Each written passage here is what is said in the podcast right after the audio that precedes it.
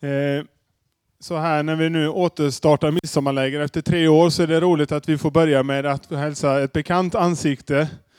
Eh, välkommen till att inledningspredika här, Bengt Birgersson, som ju också finns med i Kyrkliga Förbundets styrelse. Vi tackar för att du ska få dela Guds ord med oss här inledningsvis.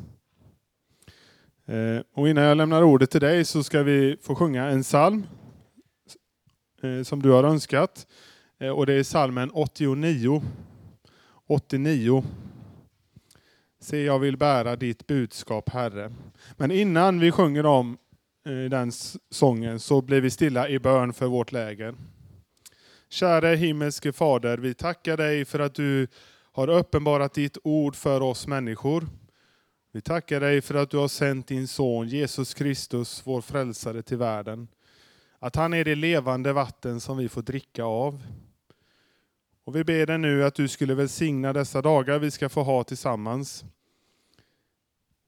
Att du skulle göra våra hjärtan öppna för vad du vill tala till oss och ge oss under dessa dagar. Vi ber dig för det som ska tala och undervisa under helgen, att du välsignar dem i det de ska säga. Och vi ber dig också för våra samlingar för barnen och ungdomarna här på lägret. Välsigna också dem och de ledare som ska hålla i de samlingarna. Tack för att vi får samlas på detta viset och vi ber dig om att du ska beskydda och bevara oss för allt ont och farligt i både kropp och själ under dessa dagar. Ja Herre, vi ber om allt detta i Jesu namn. Amen.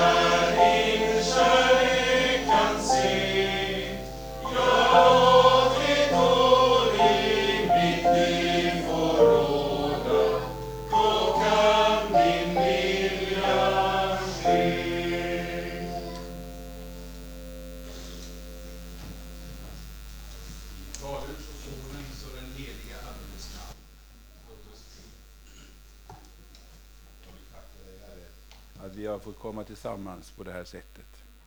Tackar dig för alla förberedelser som har kunnat göras och att vi nu samlas här. Så ber vi dig att du kommer, att du ville tala, att du ville öppna ditt ord och leda oss på den väg som är din. Herre, hjälp oss och välsigna. Ja, det som jag nu ska dela här, kom Herre och lägg orden i min mun. För ditt namns skull. Amen. Jag har tänkt att läsa eh, från Daniels bok. Jag ska läsa de första, eh, vad blir det? Det är eh, de första sju verserna. I Daniel kapitel 1. Ni vet Daniel, profeten i Gamla testamentet. Det står så här. I Juda kung Joakims tredje regeringsår kom Nebukadnessar, kungen i Babel, mot Jerusalem och belägrade det. Och Herren gav Joakim, kungen i Juda, i hans hand, liksom en del av kärlen i Guds tempel, och Nebukadnessar förde in dem i sin Guds hus i Siniars land. Kärlen förde han in i sin Guds skattkammare. Kungen befallde sin förste hovmarskalk Aspenas att han av Israels barn skulle låta hämta unga män av kunglig släkt eller av förnäm börd. Sådana som inte hade något kroppsligt lyte utan var vackra att se på. De skulle kunna tillägna sig all slags lärdom, vara kloka, ha lätt för att lära och vara dugliga att tjäna i kungens palats. De skulle få undervisning i kaldéernas språk och litteratur. Kungen bestämde åt dem en viss tilldelning för var dag av sin egen mat och av det vin han själv drack. Han befallde att man skulle lära upp dem i tre år för att de därefter skulle tjänstgöra hos kungen. Bland dessa var Daniel, Hananja, Misael och Asarja av Judas stam. Men förste hovmarskalken gav dem andra namn. Daniel kallar han Beltesassar, Hananja för Sadrak, Misael Mesak och Asarja Abednego. Så lyder Herrens ord. Gud, vi tackar dig. Jag har tänkt att tala om fyra frimodiga bekännare i en svår tid. Fyra frimodiga bekännare i en svår tid. Här möter vi nu fyra ungdomar i den här texten. Någon kanske tänker att de är ute på lite äventyr. Och nog var det äventyrligt och svårt. Det som hände också de här fyra unga männen när de fördes bort från sina hem i Jerusalem, bort från sina föräldrar och sina syskon. Deras älskade hemstad var under belägring. Från nordöst hade de kommit, Babyloniernas armé under den nytillträdde kung Nebukadnessars ledning. Tusentals soldater med den tidens modernaste vapen och belägringsutrustning hotade deras stad. Maten började tryta, vattenbrist, ångest och oro bland människor. Vad ska vi ta oss till? Och varför har det här hänt? Är inte Gud med oss? Han som en gång hjälpte oss ut ur Egypten och genom Röda havet. Nå, den som ville veta varför nu detta hände, ja, då hade de en person där uppe i Jerusalem som faktiskt visste. Men honom ville man inte höra på. Nej, han var så tråkig och han var så obehaglig att man höll för öronen. Eller så tog man och satte honom i fängsligt förvar, eller häkte skulle vi väl kalla det, men utan rättegång. Han hade om och om igen sagt att om vi inte omvänder oss så kommer fienden och belägra staden och till, till sist lägger den i ruiner. Men en sån där dåre kan man ju inte lyssna på, tänkte de flesta. Men inte riktigt alla. Det fanns en minoritet i Jerusalem och ute i landet som förstod att profeten i Jerusalem var Guds profet. Och kanske det finns många här som nu vet vem jag tänker på, nämligen profeten Jeremia. Och vi har all anledning att tänka att de här fyra unga männen som är huvudpersonerna i, här i vår inledningsgudstjänst idag, att de hörde med till de ungdomar som lyssnade till Guds ord. Troligen hade också Jeremia någon form av profetskola, eller vi kanske skulle säga bibelskola där i Jerusalem, där ungdomar undervisades i Guds eh, lag, i Mose lag, allt det som Moses hade lärt, det som Elia och Elia, Elia och Elisa hade sagt och lärt, och det som kung David och Salomo hade lämnat efter sig av salmer och annat. Och det här betyder att när, när Daniel och hans vänner måste lämna Jerusalem så visste de. De visste varför detta hemska nu kom över Jerusalem och att det hade med Gud att göra. och att Gud talade allvar med sitt folk. Men samtidigt ska vi lägga märke till vilken omsorg som Gud mitt i allt sammans hade om de fyra unga männen som mitt i det svåra höll fast vid Guds ord. Och det fanns säkert andra som gjorde likadant. Det var ännu cirka 20 år kvar tills den stora, hemsk, riktigt hemska dagen skulle komma när babylonierna på allvar skulle lägga Jerusalem i ruiner. Men år 605, när Nebukadnessar nyss hade tillträtt som kung i Babel, så gav han befall, en befallning till sina chefer som ledde ockupationsverksamheten borta i Jerusalem, att han skulle plocka till sig ett antal unga män, judiska män som de skulle ta med till Babylon. Och de skulle fostras till arbete vid det babyloniska hovet. Det var en del av kungens integrationspolitik. De skulle testa pojkarna. Han ville bara ha de duktigaste och de snyggaste. Det var en del av den tidens seger och maktutövning. Att de ockuperade ländernas bästa folk tjänstgjorde som tjänare, snyggt klädda vid hovet, till och med höga tjänare. Det var nog inte alla bland dem som blev uttagna och bortförda till Babylon som hade samma tro som Daniel och Hanania, Misael och Asarja. Det sägs inget om dem, men däremot vet vi vilken tro de här fyra hade. Vilket bekännarmod de hade. Så hamnade de i en kunglig, ska vi kalla det för internatskola, där borta i Babylon. Troligen någonstans i det väldiga kungliga slottskomplexet. Babylon låg i nuvarande Irak, cirka 10 mil söder om Bagdad. Här på skolan åt man jättefin mat. Kungen hade själv anvisat menyn och man skulle äta samma mat här som man åt vid kungens bord. Kungen och hans närmaste folk åt flott flera gånger om dagen. Nu var det bara det att en jude hade genom Mose lag en rad restriktioner om vad man fick äta och inte äta. Våra fyra vänner hade kanske inte i och för sig behövt begränsa sin önskan att bara äta grönsaker och dricka vatten. Men de tog säkert det, det, det, säkra för det osäkra för att inte de skulle få, få med sig sånt kött, till exempel, som man nu säger inte var kosher, skulle finnas med i deras mat. Detta var deras sätt att visa att de ville, mitt i det svåra, hålla fast vid Gud och hans ord.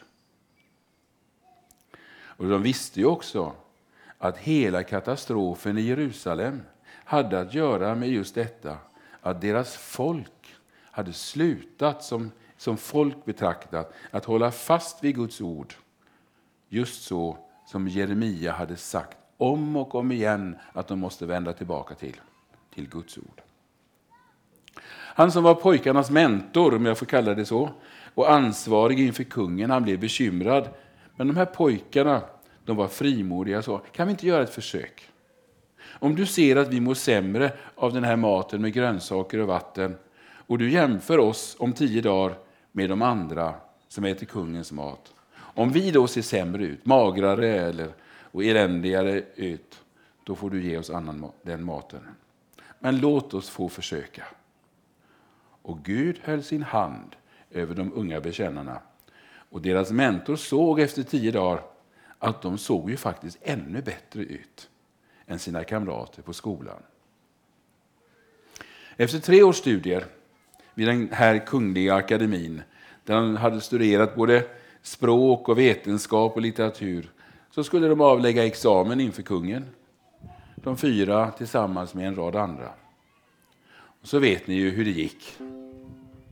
De fyra fick så att säga högsta betyg och fick omedelbart bra, fint arbete inom hovet. Och orsaken var det som Daniels 17 eh, versen i första kapitlet skriver. Att åt dessa fyra unga män gav Gud kunskap och insikt i all slags skrift och vishet. Och Daniel förstod alla slags syner och drömmar. Mycket snart kom nästa test. Kungen hade en mycket underlig dröm. En dröm som gjorde honom alldeles förskräckt. Han kunde inte förstå vad den betydde. Det var något så hemlighetsfullt med den.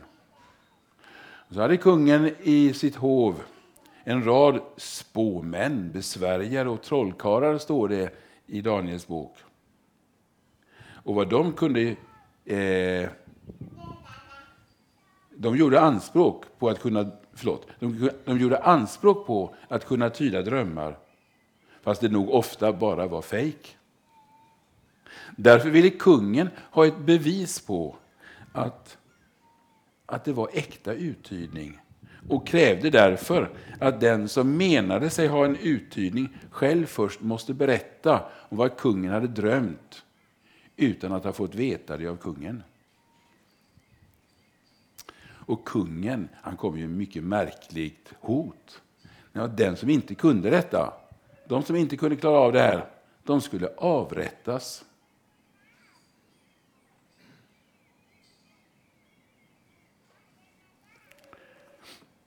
Det var nu det blev chock i hela den här, liksom, eh, ska vi säga, spåmänsavdelningen. Och så befallningen hade redan gått ut att de skulle avrättas. Det är en verklig despot, Nebukadnessar. Men tydligen hade det dröjt innan det nådde fram till Daniel och hans vänner. Eh, och när Daniel får höra om det så, så, så vill han få veta vad är det här egentligen. Och så tog han med sig själva det budskapet och gick till sina vänner Sadrak, Mesak och Abednego. Och vad gjorde han? Jo, han bad dem att nu ska vi be tillsammans i den här saken. Vi ska be att Gud avslöjar drömmen och låter oss få förstå också vad som är hemligheten. Han talade med sina vänner. Tänk hörni, att ha vänner som man kan gå till och tala med om det som, som är bekymmersamt. De bad att Gud skulle förbarma sig så att de fyra inte tillsammans med de andra som hörde till spåmännen i Babylon skulle bli dödade. Och därför så avslöjade Gud för Daniel hemligheten med drömmen. Och så kunde, kunde Daniel begära audiens hos kungen och berätta både drömmen och vad den betydde. För som Daniel sa, det finns en Gud i himlen som kan uppenbara hemligheter. Detta är en så stor sak att kunna säga, det finns en Gud i himlen. I allt det som vi, vi är och rör oss i det finns en Gud i himlen. Det är inte så många som verkligen vill tro det idag. Det kungen hade sett var en underlig syn med en väldig staty. Och så här berättade Daniel för kungen, och nu läser jag innantill i Daniels andra kapitel. Du, o konung, såg i din syn en stor staty framför dig och den var hög och dess glans överväldigande. Den var förskräcklig att se på. Huvudet på statyn var av fint guld, bröstet och armarna av silver, buken och höfterna av koppar. Benen var av järn och fötterna delvis av järn och delvis av lera. Medan du såg på den revs en sten loss, men inte genom människohänder, och den träffade statyns fötter av järn och lera och krossade dem. Förlåt. Eh, jo, och krossade dem. Då krossades allt sammans. Järnet, leran, kopparn, silvret och guldet. Och allt blev som agnar på en tröskloge om sommaren. Och vinden förde bort det så att man inte längre kunde finna något spår av det. Men av stenen som hade träffat statyn blev det ett stort berg som uppfyllde hela jorden. Sedan Daniel hade berättat detta så gav han också uttydningen. Att huvudet, det är kung Nebukadnessar själv, som av Gud har blivit satt till kung och fått makt över ett så väldigt världsvälde. Och Gud satt honom till herre över allt. Och så säger Daniel att resten av statyn pekar sen på andra världsriken som ska komma. Perserriket och Alexander den stores rike på 300-talet och, och romarriket. Men den lilla stenen som träffade statyn, som blev ett väldigt berg, är en profetia om Guds eviga rike. Guds rike som är, upp, är upprättat, som vi vet, genom Jesus Kristus och som en dag ska bli ett helt synligt rike. Kungen, han blev helt överväldigad av svaret. Han förstod att detta kan ingen räkna ut själv, det som han hade drömt. Och det var, det var detta det betydde. Och så upphöjde han Daniel till en mycket hög position inom den babyloniska administrationen. Och erkände, han sa det väldigt tydligt, att Gud är Gud. Daniels Gud, Israels Gud är Gud. Se vilket resultat, vilken frukt av unga bekännares tro och mod. Men, men, som det så ofta går med oss människor. Den arme mannen, kung Nebukadnessar, makten och äran steg honom mot huvudet. Och han är ju inte den siste så kom han på den idiotiska idén att göra en mer än 25 meter hög staty i guld av sig själv. Och Den lät han ställa upp på till allmänt beskådande. Och så inbjöd han till en stor invigningsfest med mycket musik, med många, många olika musikinstrument. Och det hela var jättefestligt. Men det var bara det, och det var det värsta av allt att när alla människor samlats och det fanns mycket folk i Babylon så skulle alla falla ner och tillbe guldstatyn. Och hotelsen mot dem som inte följde instruktionen var att de skulle avrättas genom att kastas i den brinnande ugnen. Detta var nu omöjligt för judarna att göra det, tillbe någon annan än Gud. Och Daniels tre vänner Sadrak, Mesak och Abednego hade fått höga positioner i den babyloniska administrationen vid, den här tiden. Och därför, när de kom ut på festplatsen kring guldstatyn, så var det omöjligt för dem att böja knä. Det var heller inte möjligt att detta skulle förbli osynligt, att de vägrade. Som de framträdande hovmän de var märktes det tydligt att de förblev stående när alla andra böjde knä när musiken startade. Några som kanske var avundsjuka på deras höga ställning skvallrade in till kungen, som i vrede kallade dem till sig och frågade ut dem. Är det verkligen sant det man säger om er? Men jag ska låta det här passera om ni bara nästa gång musiken startar, då böjer knä. Men annars gäller den brinnande ugnen för er. Vad svarade de? Ja, lyssna. till deras underbara bekännelse. De svarade, O Nebukadnessar, vi behöver inte svara dig på detta. Om det blir så är vår Gud som vi dyrkar mäktig att befria oss ur den brinnande ugnen och befria oss ur din hand, o konung. Men om inte, så ska du veta, o konung, att vi ändå inte dyrkar dina gudar och att vi inte vill tillbe den staty av guld som du har låtit ställa upp. Vilken bekännelse. Då blev Nebukadnessar svart av vrede och befallde att alla tre skulle kastas i den brinnande ugnen som för detta tillfälle enligt kungens befallning skulle hettas upp mer än vanligt. Och så minns ni nog hur det gick. Sadrak, Mesak och Abednego kastades i den brinnande ugnen, detta brinnande inferno. Men så skedde undret. För att kungen och allt folk skulle förstå att det finns en Gud i himlen. Och att vi skulle långt senare få läsa om det och veta och se det finns en Gud i himlen. Som är större än alla gudar, större än alla kungar och presidenter. Men så hände inget med de tre modiga männen. Hettan var faktiskt så fasansfull att de män som skulle verkställa det här, det här dödsstraffet, de brändes ihjäl när de kom i närheten av den förfärliga ugnen. Medan de tre männen förblev oskadda. Och det var inte sen, kände de, när de kom ut, luktade inte ens bränt på dem. Kungen stod på avstånd och fick se något som förfärade honom.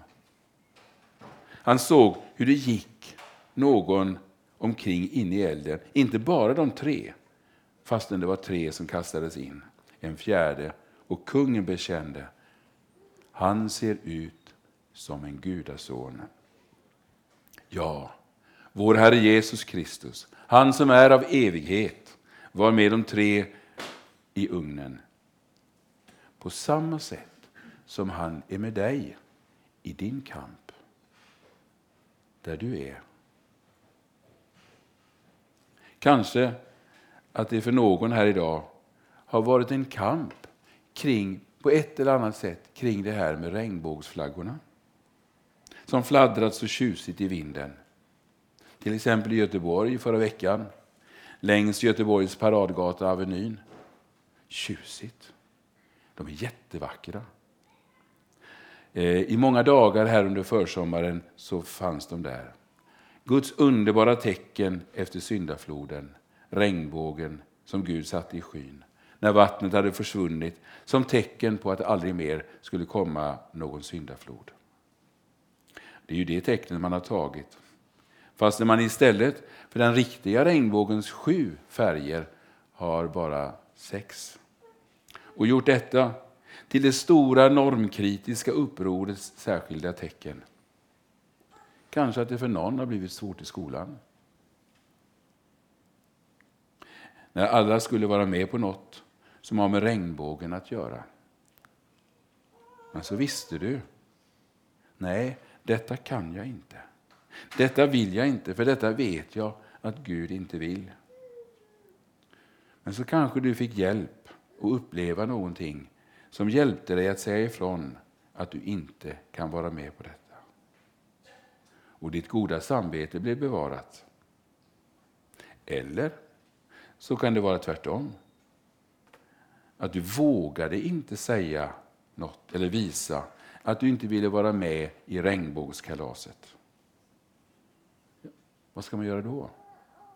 Ja, då får man göra så som vi alla, som vi alla andra i, i alla andra saker som blir fel. Vi får bekänna för Jesus. Du får bekänna för honom att du var feg. Och han som var med de, de unga männen i den brinnande ugnen, han förlåter dig all, allt genast och vill ge dig kraft att vara modigare nästa gång. För lika omöjligt som det var för Sadrak, Mesak och Abednego att böja knä för kungens guldstaty, så är det för oss kristna som vill hålla fast vid vad Jesus har lärt oss, att följa med dem som hissar regnbågsflaggorna. Därför att det, är det som man där kämpar för är helt emot Guds heliga ordningar kring äktenskapet. Ordningar som finns där överallt i Guds ord.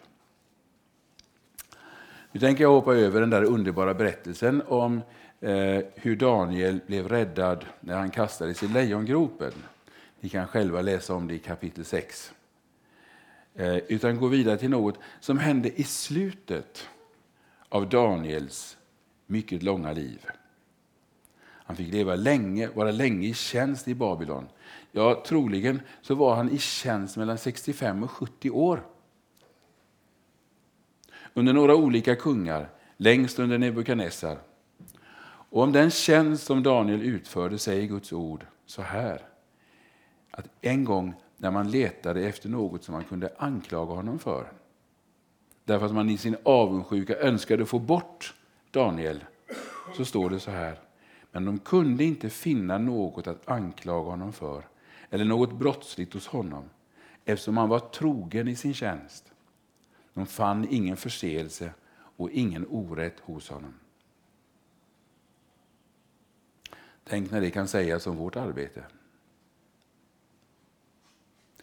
Daniel var en from man. Och det visade sig i detta också att han ägnade tid åt Guds ord och bön. Varje dag står det att han tre gånger om dagen brukade gå upp till sin privata våning för att hålla andakt.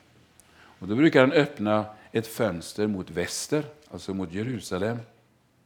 Han hade alldeles säkert ett antal bokrullar eh, hos sig med de bibelböcker som fanns på hans tid tillgängliga.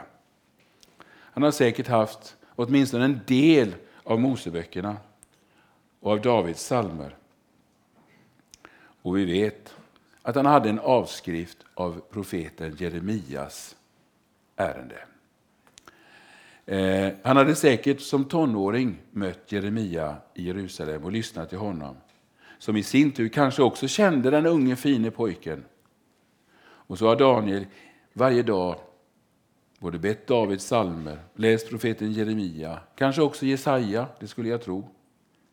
Och vi har nog också anledning att tänka att han fick lära känna profeten Hesekiel som också fanns med i Babel vid den här tiden.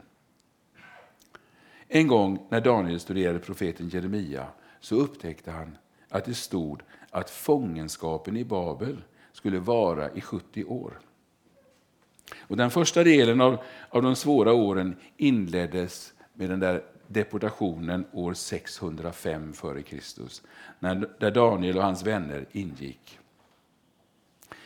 I kapitel 9 i Daniels bok så berättar sedan Daniel om vad som hände runt år 536, alltså nästan 70 år efter den första deportationsvågen.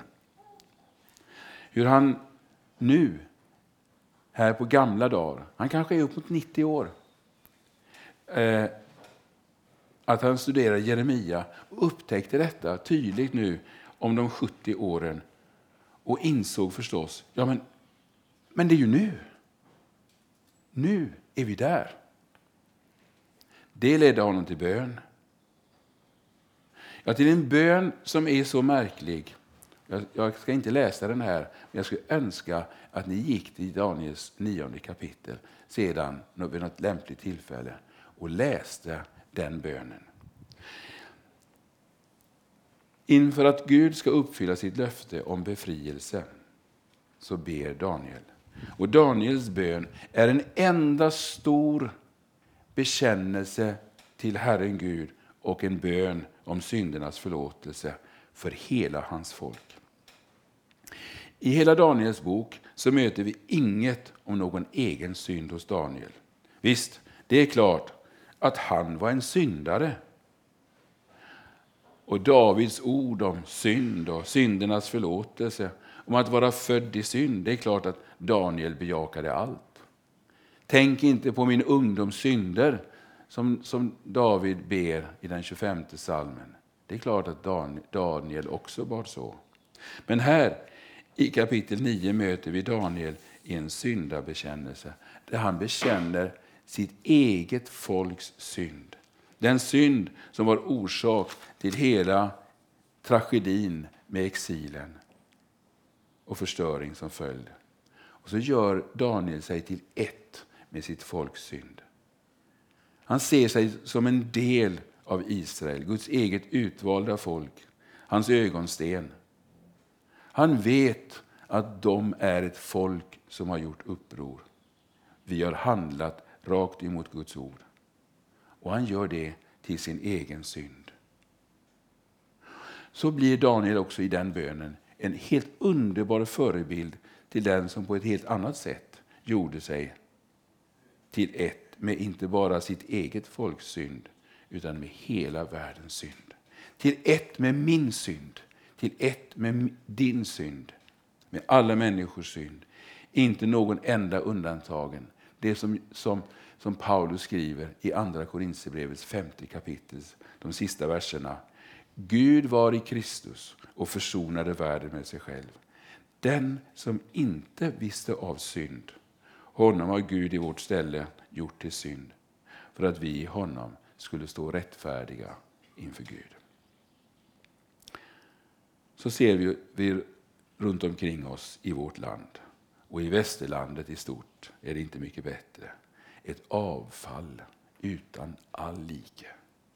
Vi ser en värld som i öppen protest mot Gud låter förhindra oräkneliga barn, ofödda barn att födas till världen. Och alla Guds goda ordningar kring äktenskap, sexualitet och kön trampas till marken.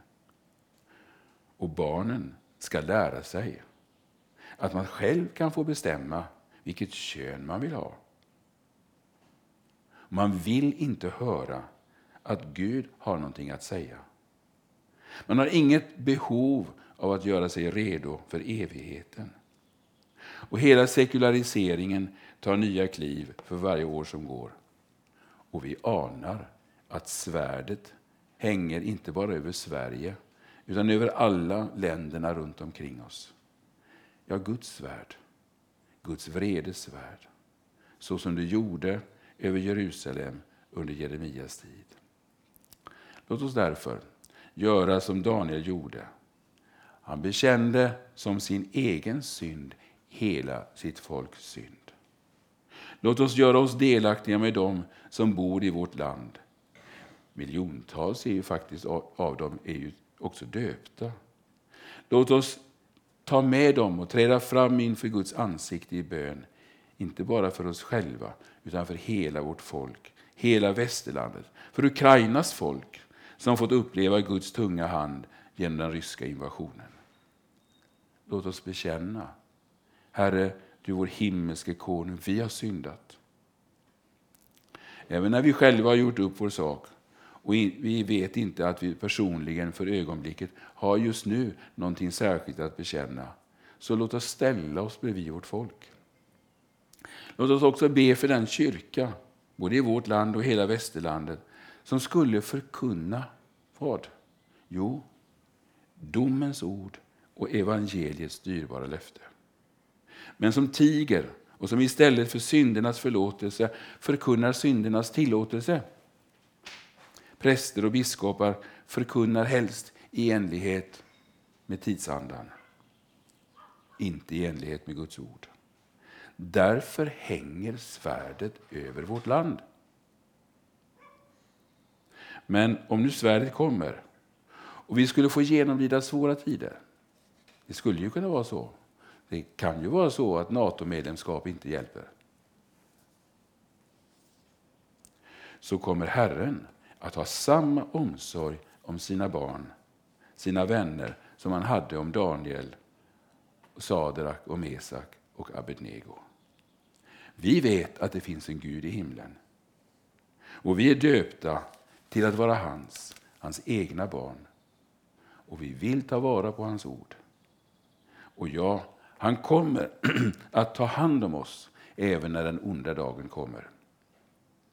Och när vi är hemma, för Jesus skull, är hemma i himmelen, då ska vi få se oss tillbaka på det som varit och då se hur helt underligt och underbart Han ledde alla sina barn, också genom svåra tider, som han gjorde med de fyra unga männen. Amen. Käre himmelske far. Nu kommer vi här inför ditt ansikte, du vår Gud i himmelen. Du som var Gud på, på Nebukadnessars tid, på Daniels och hans vänners tid.